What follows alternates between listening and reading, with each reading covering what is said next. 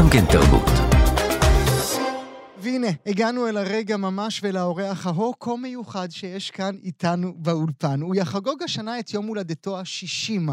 אני עוד רגע אשאל אותו איך הוא מרגיש אל מול הגיל הזה. הוא גדל בתל אביב, למד בעירוני א', אבא תעשיין, אמא עקרת בית. הוא מעולם לא תכנן להפוך לשחקן, תיאטרון, טלוויזיה, קולנוע, רק כשקרא כתבה אודות השחקן הוותיק מרדכי בן זאב, והבין ששחקנים רק רוצים שיאהבו אותם, הוא החליט ללכת ללמוד בניסן נתיב. אני מתבונן בו תוך כדי שאני מדבר, כדי לראות במה אני טועה. משם, מבית הספר הוא עבר ישר לקאמרי, הוא גילם תפקידים במקבט של שייקספיר, וגם ב"גם הוא באצילים" של מולייר. עם השנים הוא היה חלק מיצירות התרבות שהפכו לחלק מרכזי בתרבות הישראלית, ממבצע סבתא, דרך בטיפול, ילדי ראש הממשלה, בורר, עכשיו גם קופה ראשית, גם מתנה משמיים, גם רשימת שינדלר, גם בגולדה. שהיא... מה אמרתי? לא. לא אמרתי אחר... רגע, אבל עוד לא הגעתי לזה, אה, רמי. אוקיי. גם מתנה משמיים, גם רשימת שינדלר, גם גולדה שיפתח את פסטיבל ירושלים, וכמובן, הבורגנים והחמישייה הקאמרית. בימים אלה הוא חוזר אל שייקספיר בהמלט בבימוי יאיר שרמן, וכמו בכל תפקיד שהוא לקח על עצמו, גם בהצגה הזאת, פשוט אי אפשר להסיר ממנו את העיניים, והוא בא אלינו לאולפן עם רוח טובה נורא, וזה משמח אותי. רמי אויברגר, בוקר טוב. אחרי כל המחמאות, בוקר טוב, אחרי כל המחמאות האלה, פשוט נשאר לי רק ללכת מכאן ולהשאיר את ה... את האולפן ריק, בלי את שידור. האולפן ריק, אבל עם טעם טוב, כזה, יש כל כך הרבה מילים טובות על הבוקר. תודה רבה. תשמע, למה הרסת לי, אה, רמי? כי אני תכננתי לשאול אותך בשלב מאוחר יותר, אני, יש לי תרשים זרימה, תכננתי בשלב מאוחר לשאול אותך אם כבר נמאס לך מזה שמזכירים את החמישייה, ואתה אומר לי, תזכיר כבר את החמישייה. לא נמאס לי אף פעם, אני, אני מודע ל, לאירוע, ה, למפץ הזה ש, שהיה לנו שם, ושאנחנו לא היינו מודעים אליו בזמן אמת, ו, וכן, אני רואה בראי ההיסטוריה ודרך כל מיני מערכונים שמראים לי שעולים ל- לרשתות החברתיות, ש, שכן, היינו טובים. ו... הייתם נביאים. היינו נביאים, כאילו, היינו טובים בגלל שהיינו נביאים, כנראה, גם בגלל ש... לא יודע, אבל זה, זה, זה נחמד ונורא מבאס לגלות שזה עדיין אקטואלי הכל Mm, ורלוונטי הכל, כולל השמות של האנשים. מהמם. שעוד נמצאים חלק מה... מה זה חלק? Mm, אותו ראש ממשלה. mm, שדיברתם עליו ב-96. מלא מערכונים עשינו על ביבי, אין סוף מערכונים עשינו. אז אתה לא מתבאס, אבל אין את המקום הזה של השחקן שאומר, "אה, חברות, בואו בוא נירגע, כן? עשיתי את זה, ועשיתי את זה, ועשיתי את בטיפול, ועשיתי את ילדי ראש הממשלה, ועשיתי עוד מיליון דברים ובתיאטרון. כמובן שעשית מאוד, אה, הרבה מאוד דברים, ותמיד חוזרים איתך אל הרגע ההוא, אל יגאל עמיר, שגם נשמע בעוד רגע. כן, זה היה... זה היה יום קשה. לא צחקו באותו יום צילום. נכנסנו לצלם את המערכון הזה כמו להיכנס למשהו שצריך לעשות אותו. וזהו, ועשיתי את זה שני טייקים. זה היה פשוט יום עצוב, עשיתי את מה שהרגשתי שאני צריך לעשות. הייתי טעון מאוד מאוד מאוד. וזהו, עשיתי שניים, שלושה טייקים. אתה זוכר למה היה עצב בסט? זה ממש לא היה. זה היה איזה, אולי איזה שבוע, שבוע אחרי שהוא, אה, שבוע נרצח. אחרי. משהו כזה. שבוע אחרי אתם כבר יודעים שיבוא היום שהרוצח יקבל את החנינה שלו. אה, עוזי וייל יודע, שכותב את, כן. ה... את המונולוג הזה, יודע במרכאות, כי הוא לא השתחרר. עוד לא קרה. לצערנו כבר איתן הבר לא איתנו, אז uh, הוא לא ישים לו רגל כבר במכולת, Mhm. כמו שאני אומר שם במערכון, אבל uh, כן, חברים של יגאל בממשלה, ו... ו... כן, זה מדאיג. בוא נשמע. יאללה. יום אחד, עוד עשרים שנה, אני אקבל חנינה. אתם יודעים את זה. בתוך הלב עמוק אתם יודעים שעוד עשרים שנה אני אקבל חנינה. יגידו, הייתה בארץ תקופה קשה. העם היה מפולג, כל מיני דברים. והמערך יסכים. ואז יסדרו לי חנינה. ואני אגיד שאני נורא מצטער, ושעשיתי את זה בהשפעת האווירה הציבורית. ואני אצא לחופשי. אתה אומר, החברים של יגאל נמצאים היום בממשלה. את זה, את זה ידעתם? את זה דמיינתם? לא. קראו לזה אז עשבים שוטים. מהמם. העשבים השוטים עכשיו אה, באמצע המגרש, מה שנקרא. המגרש כדורסל שלנו מלא בעשבים שוטים, וקשה נורא לשחק, הכדור לא קופץ. על, משחק, על מגרש כזה אי אפשר לשחק. אי אפשר לשחק. לא, הכדור... אתה חושב שזה באמת יקרה? שהנבואה הזו של עוזי וייל תקרה?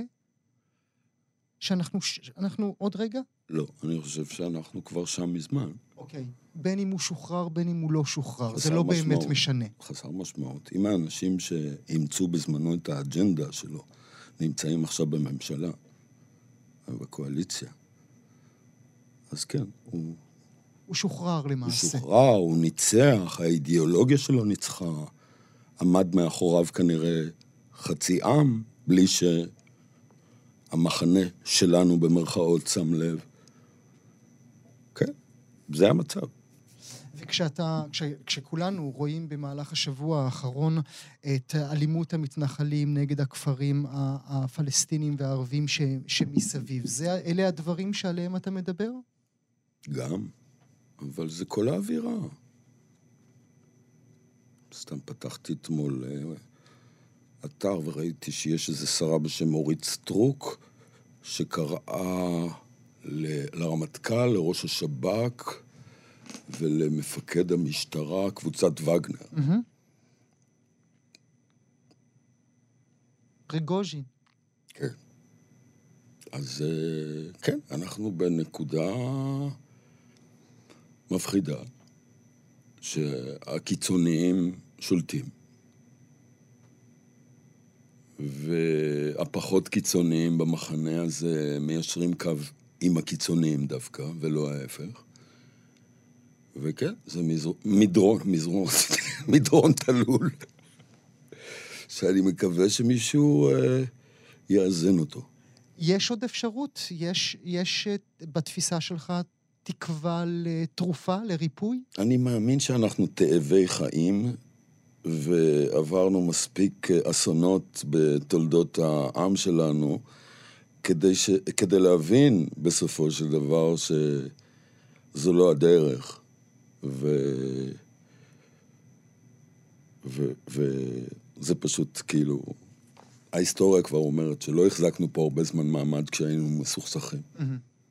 אין אופציה אחרת. החזקנו מעמד רק כשפיזרו אותנו לארבע כנפות תבל. בעצם העם היהודי נשאר בזכות זה שהוא היה בגולה. אם הוא היה נשאר פה באלפיים שנה האלה, הוא מזמן לא היה קיים. וזה הגורל שלנו. כאן או שלא, בארץ הזאת. או שלא. אלא אם כן זה יתוקן.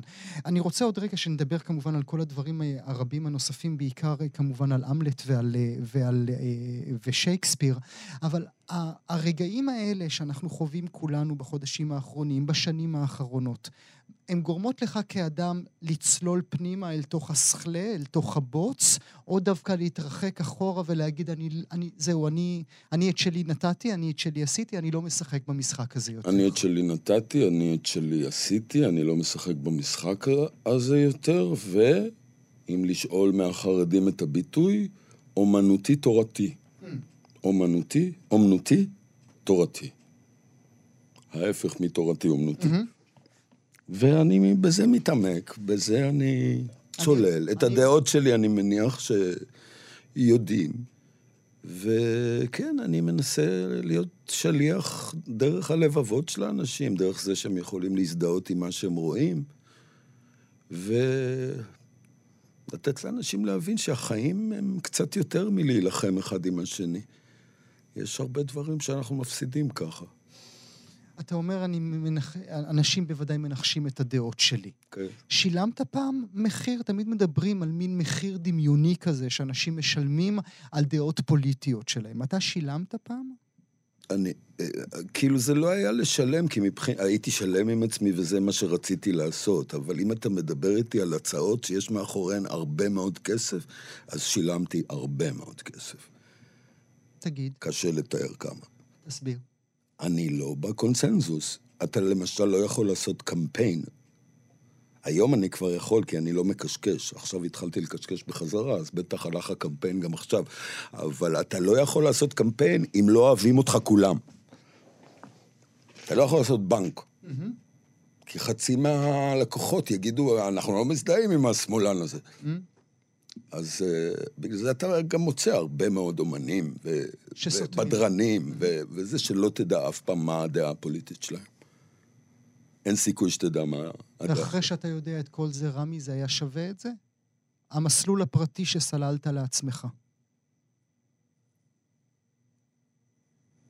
איך אמרה אילנה דיין? מי שלא היה מהפכן עד גיל 30 הוא דרק, ומי שנשאר מהפכן אחרי גיל 50 הוא אידיוט. אז uh, לא רציתי להיות דרק, ועכשיו אני לא רוצה להיות אידיוט. אני רוצה שנדבר על הבית בעוד אה, רגע ברשותך, אבל אה, האם אתה זוכר, אתה עכשיו באמלט, אוקיי. האם אתה זוכר שלפני 30 שנים כבר עשית את אמלט, או ששכחת, אצל רינה ירושלמי? 30 ו... אתה זוכר? איזה שאלה, מה זאת אומרת? אני, אני לפעמים, אה, כשאני בגרסה הנוכחית, אני נזכר בתרגום של שלונסקי שנייה, ואז אני עושה סדר בראש. יש לי שם מונולוג. הו אנגליה ואת, אם חיבתי עוד יקרה לך, כי אדום וחי בך. ובתרגום שלנו זה ואת אנגליה, אם אהבתי עוד חשובה לך. אין ביכולתך... ל- ממש אני זוכר את שניהם, ואני צריך לעשות סלקציה לפעמים באמצע ההצגה בראש. רגע, זה שלונסקי, זה דורי פרנס. הפרדה.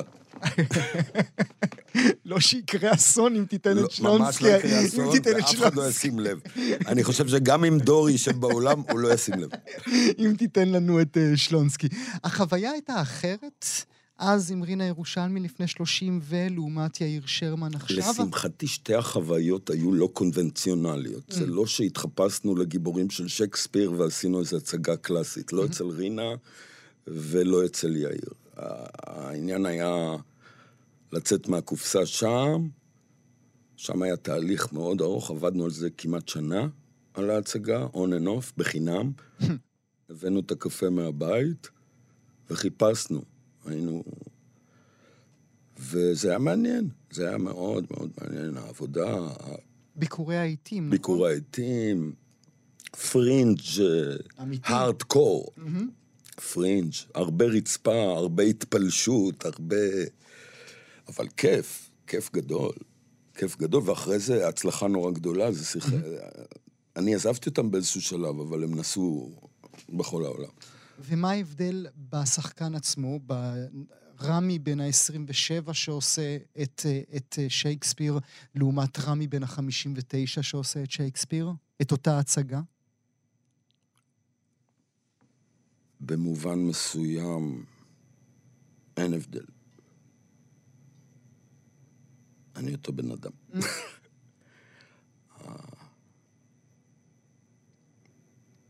לא יודע איך להגיד את זה. זה. זה אה, האימפולסים הם, הם דומים. ה...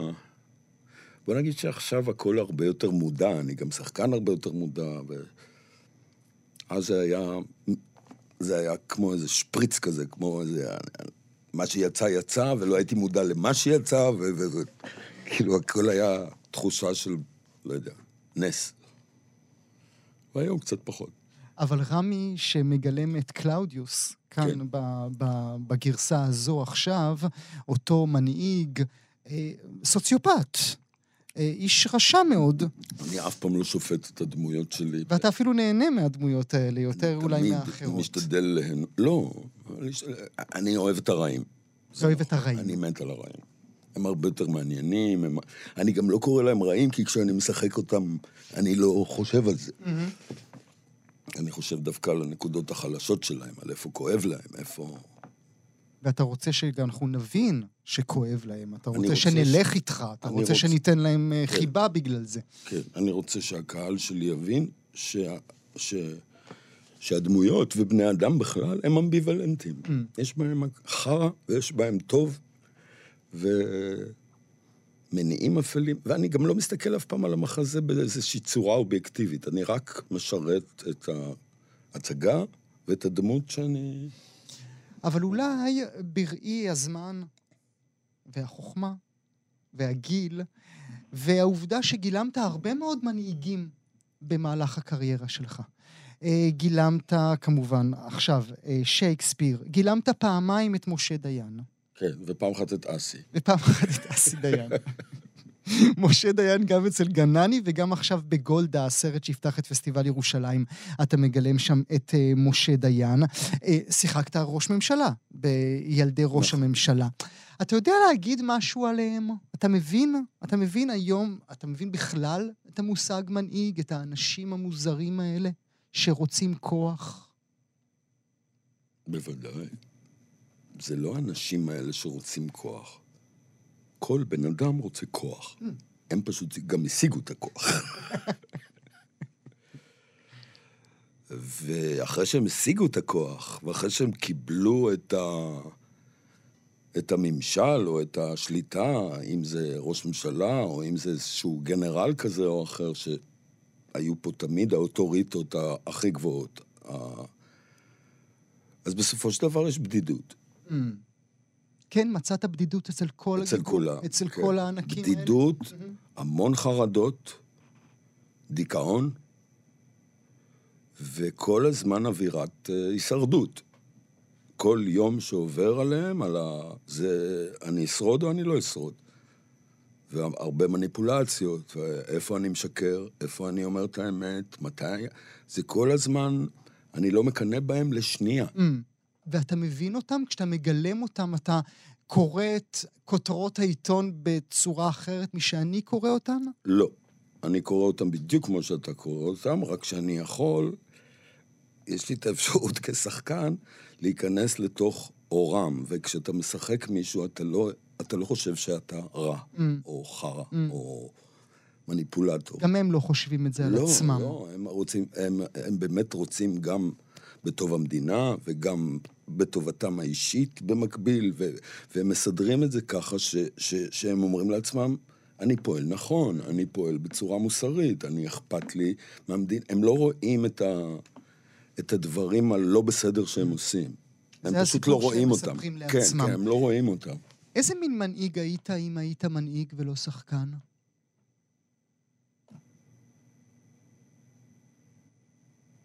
אני מניח שהייתי טולרנט.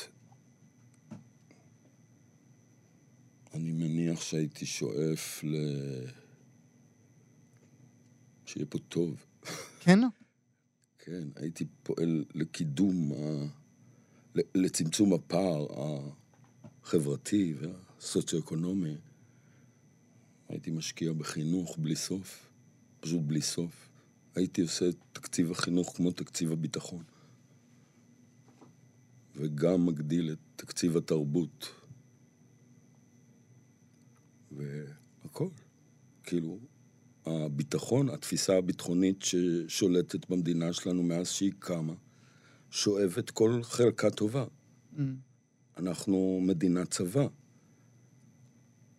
שליש או יותר מהמדינה שלנו זה שטח צבאי סגור.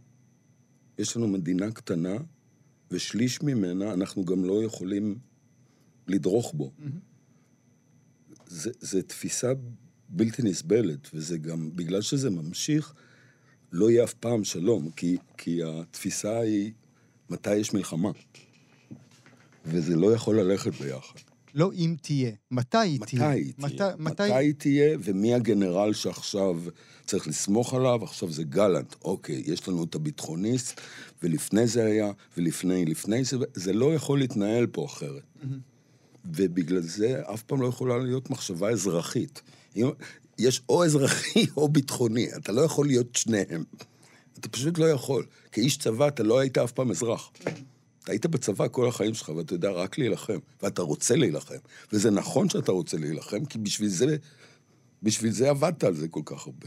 אבל כמנהיג, אתה צריך להסתכל על כל התמונה, לא רק על מלחמות. ואתה חושב שאם היית מגיע לכיסא, היית נשאר המילים האלה שאתה אומר עכשיו? היית עומד אל מול הפרץ, אל מול הביטחוניסטים? לא הייתי צריך לעמוד מול פרץ, הייתי לוקח את הביטחוניסט הכי טוב, את הלוחם הכי מפחיד שיש, את, ה, את הכי, את, ה, את, את הכי מפלצת, ומה שנקרא שם לו גבולות. שם לו גבולות, כי אני ראש הממשלה, לא הוא ייצר עכשיו את הגבולות שלו, אני שם לו גבולות, כמו לשאר השרים. שכל אחד הכי טוב, וכל אחד רוצה שיהיה אצלו הכי... אבל כן, זה התפקיד של ראש ממשלה, איזונים. ואנחנו בתקופה שאין איזונים ואין בלמים, ו- ונראה לי שגם ביבי, אין לו מושג מה כל שר אצלו יגיד מחר או יגיד בבוקר. ועל מה הוא פשוט... יצטרך להתנצל. ועל מה הוא יצטרך להתנצל, או על מי הוא יצטרך לאיים, הוא פשוט לא שולט ב... זה כמו במאי, שכל השחקנים שלו, כל שחקן עושה מה שהוא רוצה, ומשחק ב... מביא איזה טקסט שהוא רוצה מהבית. ו... אחד עם שלונסקי, אחד עם פרנס. איזה שלונסקי? אחד עם המלט, אחד עם צ'כוב, אחד uh, מחזה מקורי. וביחד, יש קקפוניה שלמה. ולך, לך תעשה מזה הצגה. או לך תבנה מזה מדינה, או לך תחזיק מעמד כמדינה. אני רוצה שנגיד משהו על הבית כדי להבין האם אתה תוצר הבית או האם אתה תוצר חוץ הבית. האבא והאימא הם אלה שהולידו את מה שמולי עכשיו, או שאתה יצור של עצמך? אני יצור של עצמי. אני הייתי ילד נטוש פחות או יותר, עד גיל שש. גדלתי אצל סבים וסבתות, ופיתחתי עצמאות מגיל מאוד מאוד צעיר. כאילו הייתי בחוץ הרבה, הייתי במרפ... הייתי עם עצמי. זו צלקת? אני מניח שכן, אבל זו צלקת שבנתה אותי גם. אוקיי. את העבודה, את המשחק. את החיים, את ה...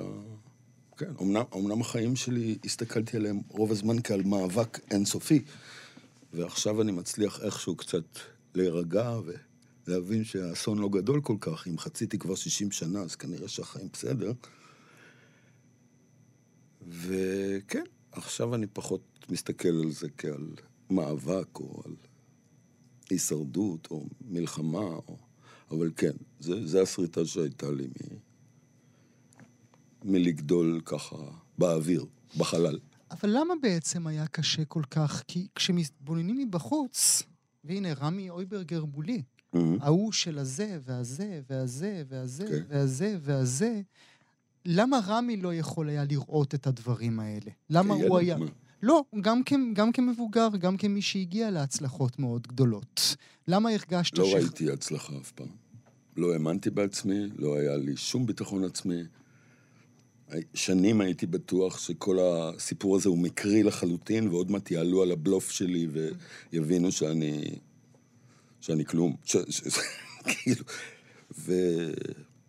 וזה הכניס אותי להמון סטרס ולהמון uh, מתח. ו... ו... הפחד שעוד רגע זה הפחד יגיע. שהבלוף יתגלה, mm-hmm. שאני אפספס בגדול, שלא יהיה לי מקום, או שבקורונה זה היה היסטרי, כאילו אני שקעתי בדיכאון עמוק, עמוק, עמוק. כי מה היה שם? הבנתי שלא צריכים אותי, שאין לי בכלל תפקיד בעולם הזה. שאם רמי יהיה על הבמות או רמי לא יהיה הבמות, זה יהיה אותו דבר. אני, או החברים שלי, או המקצוע הזה שלי, פתאום זה היה נראה לא נחוץ בכלל. נכון. אולי אפשר לוותר עליו. אולי אפשר לראות הצגות בזום, או... לא יודע מה. ולקחת את זה על עצמך? גם, כן. בהתחלה חשבתי להיות חקלאי. נסעתי לצפון והסתכלתי על שדות חיטה. מה, דמיינת? אמרתי, עצמך עודר, מה דמיינת? תשמע, להיכנס לדמויות אני יודע. הייתי לובש את הבגדים, לוקח את המעדר, ומה עושה? ונכנס לדמות מה עושה עם השלפוחיות? איזה שלפוחיות? חצי שעה אחרי. אה, בידיים? בידיים. שם כפפות. חוץ מזה, אין אנשים כבר, אין חקלאים ישראלים בארץ. אוקיי. אין דבר כזה. אז היית שותה קפה עם החקלאים. התאילנדים. בדיוק. לא יודע אם איתם, כאילו, הם היו עובדים, אני מניח, ואני הייתי שותה קפה. ככה מתנהלת החקלאות היום, דרך אגב. לא מצאתי חקלאי אחד בשום מקום. אז נסעת וחיפשת שדה עבורך? חיפשתי שדה ומצאתי שדה גם אוקיי. כן. ב... איפה זה היה? ביסוד המעלה? או משהו כזה. וטעמתי גרעיני חיטה ש... אוקיי, וכשנגמרה הבדיחה הזו, חזרת הביתה. חזרתי הביתה, כן. ועשיתי לילדים מין, בחצר האחורית, מין קרנבל כזה. לא, זה היה נורא.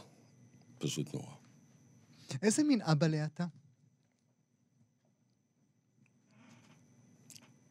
אה, אה, מסור, מכור. אה, הילדים שלי זה החיים שלי, זה הגפיים שלי, זה התחנות דלק שלי, זה... זה האושר שלי, זה הסיבה לזה שאני יושב פה בכלל. זה ה... אני תכף אתחיל לבכות, אבל אני, אני קרוע להם. הם ילדים מיוחדים, והקשר שלי איתם הוא נפלא. ואני מניח שאני מחזיר להם את מה שלקחו ממני, אבל הם יוצאים נשכרים, אני מניח. הם דלוקים עליי. כן? כן. הקטנצ'יק שלי, אסא, בן שלוש וחצי, תופס לי את הראש ואומר לי, אבא, אני אוהב אותך. ואתה משתגע. אני משתגע, משתגע. כן, כן. יש לי ארבעה בנים. בנות לא עשית. אה, אתה מתכוון שלא... שאתה לא יודע עליהן. לא. לא, לא עשיתי בנות. אתה מתכוון... כן, לא. לא, כי עשיתי, יש לזה פירוש אחר היום, אתה יודע. אני בשידור ציבורי, רמי. אז זהו, אני, אני לא. אני בשידור ציבורי. מעניין איך היית בתור אבא לבת. אתה חושב שזה מעניין? לא? לא. בטח שזה מעניין. מה זה מעניין? קודם כל היית נהיה יותר שלולית ממה שאתה עכשיו. הייתי מעודן יותר אולי, כן, בלית ברירה. אבל אה, אני רואה לפעמים. מה? אתה רף עם הילדים? אתה... לא עם הילדים, אבל uh, יש משהו בבת, אבל זה לא מתאים לי. אני רואה לפעמים בנות ברחוב עם אבות, זה, לא הייתי עומד בזה. הן עושות סקנדלים באמצע הרחוב. מה זה הדבר הזה? זה טרור. אני רואה אבות לבנות, אני מרחם עליהם. הילדה עומדת כמו איזה... כמו אביטה פירון. כמו אביטה פירו, אני רוצה את זה! אני רוצה את זה! אצל בנים אין אף פעם דבר כזה. או שכן, או שלא, ממשיכים. שמה זה טרור. לא, לא, זה לא בשבילי. זה לא בשבילך. לא בשבילי, לא. אני רוצה שנדבר רגע על עולם התרבות. האם אתה חושב שהוא נגמר? ואת זה אני שואל דווקא בתור מי שמגיש תוכנית תרבות יומית. אבל בפרספקטיבה שיש לך, של 30 ו-X שנים, כן. אתה חושב שהקהל בכלל רוצה את התרבות שאנחנו מגישים להם? שהוא רוצה תיאטרון? הפריפריה רוצה את אמלט? המלט לא יכול להגיע לפריפריה בגלל שהוא בנוי לבמה. לבמה הספציפית של בית לסין והוא לא נוסע לשום מקום. שאר ההצגות, אני, כל החיים שלי, רוב ההצגות שעשיתי היו בפ... בפריפריה. החלוקה בדרך כלל זה שליש בתל אביב ושני שליש בפריפריה, כשהצגה הולכת מצליחה. טוב, מצליחה. אז אני מכיר את הפריפריה, אני מניח יותר טוב מכל תל אביבי. מה הייתה השאלה? אולי תגיד לי מבחינת המבט שלך אם משהו השתנה בעשורים האחרונים. בתפיסה של הציבור הרחב, את המושג תרבות או את צריכת התרבות. אנחנו בנסיגה, אין ספק. אנחנו בנסיגה היסטרית. אה, היום בכל מפעל מנויים בפריפריה, חצי מהתאריכים בחודש, שהיו פעם תאריכים של הצגות, זה סטנדאפ. אוקיי. עולה בן אדם אחד על במה בלי תפאורה ועושה הצגה. זה הרבה יותר זול לעולם לקחת את אותו סטנדאפיסט. לפעמים הוא מקומי, אף אחד לא מכיר אותו בכלל מלבד באותו מקום ש... וזה, וזה כמעט חצי חודש, וזה אומר שלכל התיאטראות יש פחות 15 יום להכניס בהם הצגות, שזה מוריד את התקציב, וזה מוריד את ההכנסות. ואם המדינה לא מגבה את זה, אז כן, כן, אז הצורך בזה יורד, ומספר ההפקות שאפשר להעלות יורד, ו... ומתחילים לסגור כל מיני מוסדות תרבות. עכשיו שמעתי על תיאטרון היידיש שהולכים לסגור. כן. ועוד כל מיני מקומות. הבוקר קראתי על איזה בית ספר לילדים מוגבלים שהולכים לסגור. כל מיני, כל מיני דברים נוראים שלא יכולים לקרות קורים. וזה הכל מגיע מלמעלה בעיניך? זה הכל החוסר רצון של השלטון שתהיה תרבות להמונים? שזה יהיה חלק מה-DNA של, של ההמונים? בגלל שהתרבות אה, בכל מקום מזוהה עם שמאל, Mm. והשלטון עכשיו הוא ימין, אז מה שנקרא לא רוצים לתת כסף לשמאלנים. אבל לא מבינים שכשלא נותנים כסף לשמאלנים שעושים אומנות ותרבות, בעצם לא נותנים כסף לתרבות.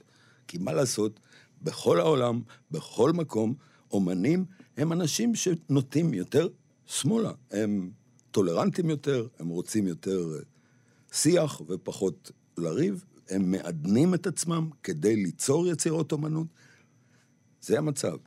ולא לתת להם כסף או לא להשקיע בזה, זה להפוך את הדור ליותר מחוספס, ליותר אלים, לפח, ליותר בוטה וליותר עילג. הרבה יותר עילג.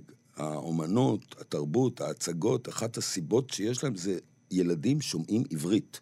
ילדים שומעים עברית נכונה.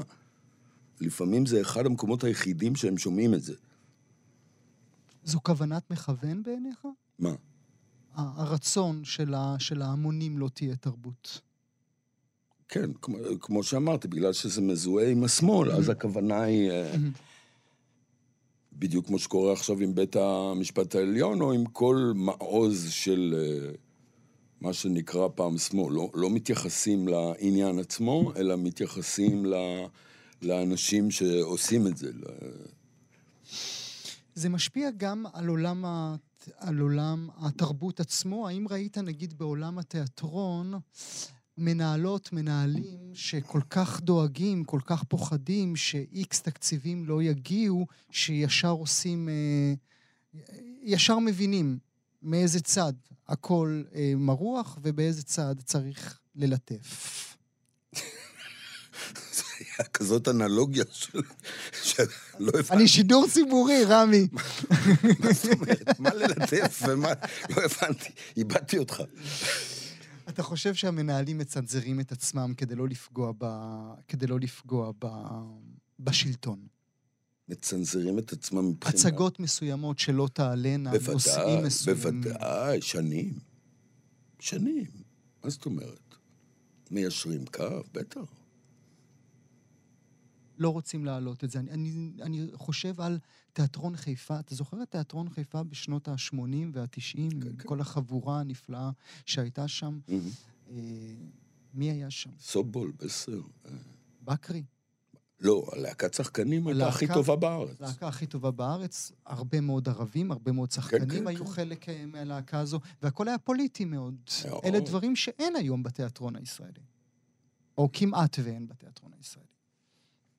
אם יש, זה רק כבדיחה, כקומדיה. אין אף הצג- הצגה רצינית שמתעסקת בזה. אנשים לא רוצים אה, לגעת ב... אנשים פוחדים על... אה, על הכסף שלהם, על ה... כן, זה הכל... אה, זה עולם נורא קפיטליסטי ונורא חזירי, והקפיטליזם הוא חזירי, ואתה במאבק, וכן, אתה מתרחק מפוליטיקה, ואתה... זה עצוב, מה אני אגיד לך? על מה גאוותך עם כל מה שמנינו, עם כל העשייה הרבה שלך בשנים האלה? על זה שאמרתי לא לכל כך הרבה דברים. כן? דווקא על הלא? כן. תגיד לי משהו שאמרת לו לא. אני לא ממש זוכר. כל מיני דברים, אבל אני היום מודע לזה שעל ידי הלואים אתה בעצם יוצר לעצמך את הדרך. כאילו, אם, אם אני... הסיבה שבחרתי במקצוע הזה זה כדי לעשות דברים טובים. לעשות דברים איכותיים ועם ערך מוסף. והרבה פעמים שילמתי מחיר כלכלי על, ה... על... על הדרך הזאת, אבל מבחינת מה שזה החזיר לי, זה החזיר לי הרבה יותר. מהמם. כאילו, אני, אני, אני נוגע בדברים הכי... הכי ענינים שיש. אני ממש מפונק מהבחינה הזאת. מה ש- רוב ההצגות שעשיתי היו קלאסיקה. מהמם. לעסוק בקלאסיקה כל היום, כל הזמן, זה היה בעצם החלום המקורי? כן. כשאתה חושב על ההוא, על הילד הקטן, על הילד המתבגר, על, היה, על לא, הצעיר הילד הקטן בניסן... רצה הת- סתם שיראו אותו, זה הס- זה הספיק לו שיראו אותו. מהמם. או ש... שיגיבו אליו. ש... ש... ובגלל שזה לא קרה, אז הוא נהיה בסוף שחקן, והוא רוצה שכולם יראו אותו כל הזמן שיראו אותו, ואף פעם לא מספיק לו כמה שרואים אותו, ו... עד שהוא מגיע לגיל 60, והוא אומר שבסדר, ראו אותו כבר מספיק. אתה, אתה בשלב הזה? כן. אמרת לי לפני השיחה שאתה גם לא צופה בעצמך יותר, אתה שנים, גם לא שנים. מאזין לעצמך, אתה לא לא רואה... רק לעצמי, דברים. אני לא צופה בטלוויזיה בכלל. כי? רביתי, אני לא יודע, אני, זה, זה, זה אגרסיבי לי מדי, זה אלים לי מדי, זה מהר לי מדי. לא יודע, נהייתי, הזדקנתי בגיל מוקדם. 60, לא, כבר מזמן. כבר לפני ה-60. כן, אני מרגיש ילד זקן, נולדתי זקן. אני נהיה צעיר עם השנים. חופשי. התפקידים הרבים שאתה עושה, ועכשיו אמלט, זה מסוג הדברים שאני אעיר אותך באמצע הלילה ואתה תזכור בעל פה את התפקיד שלך? בטח. איך זה עובד בעצם? אני מניח שיש פה מרכיב של פיצול אישיות. כן, יש איזו יכולת להיות uh, כמה אנשים. הפריבילגיה של המקצוע הזה זה, זה לפזר את, ה, את ההימורים שלך על כמה דמויות. זה, זה, זה מקצוע די uh, מסובך, היית בוחר בו שוב? בטח. אחרי כל מה שאתה יודע, בטח, ואחרי בטח, כל בטח, הפינות שנכנסת אליהן, פריבילגיה גדולה לעשות. למרות הכל, את כל, בוודאי, את כל. הדברים האלה. אין, אין, אין משהו שמתקרב לזה בכלל. וחלום אחד שעוד לא הגשמת? אני כותב עכשיו אפוס, ואותו אני רוצה להגשים. תגיד לי. אני כותב משהו מאוד גדול, אני לא יכול להגיד לך. רגע, לא, אי אפשר ככה. אה, קלאסיקה? לא, לא. לא, שלך. שלי, כן. אה, ממוארי? ממוארי, אבל לא שלי. משהו גדול, משהו שמתרחש בעולם. קולנוע? טלוויזיה. טלוויזיה. כן. נטפליקס? עוד לא יודע, אני כותב אה, עם עוד חבר בינתיים, אבל הכוונות הן, כן, גדולות. כי? כי הגיע הזמן לספר את הסיפור שאתה רוצה לספר?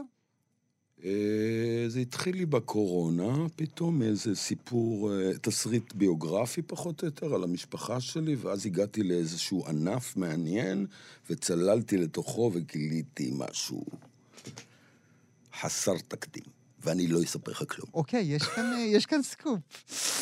אני רוצה להודות לך מאוד על השיחה הזו. אני רוצה גם להזמין אתכם, מאזינות ומאזינים, לראות את אמלט, כי הוא באמת עושה שם תפקיד פשוט פנטסטי.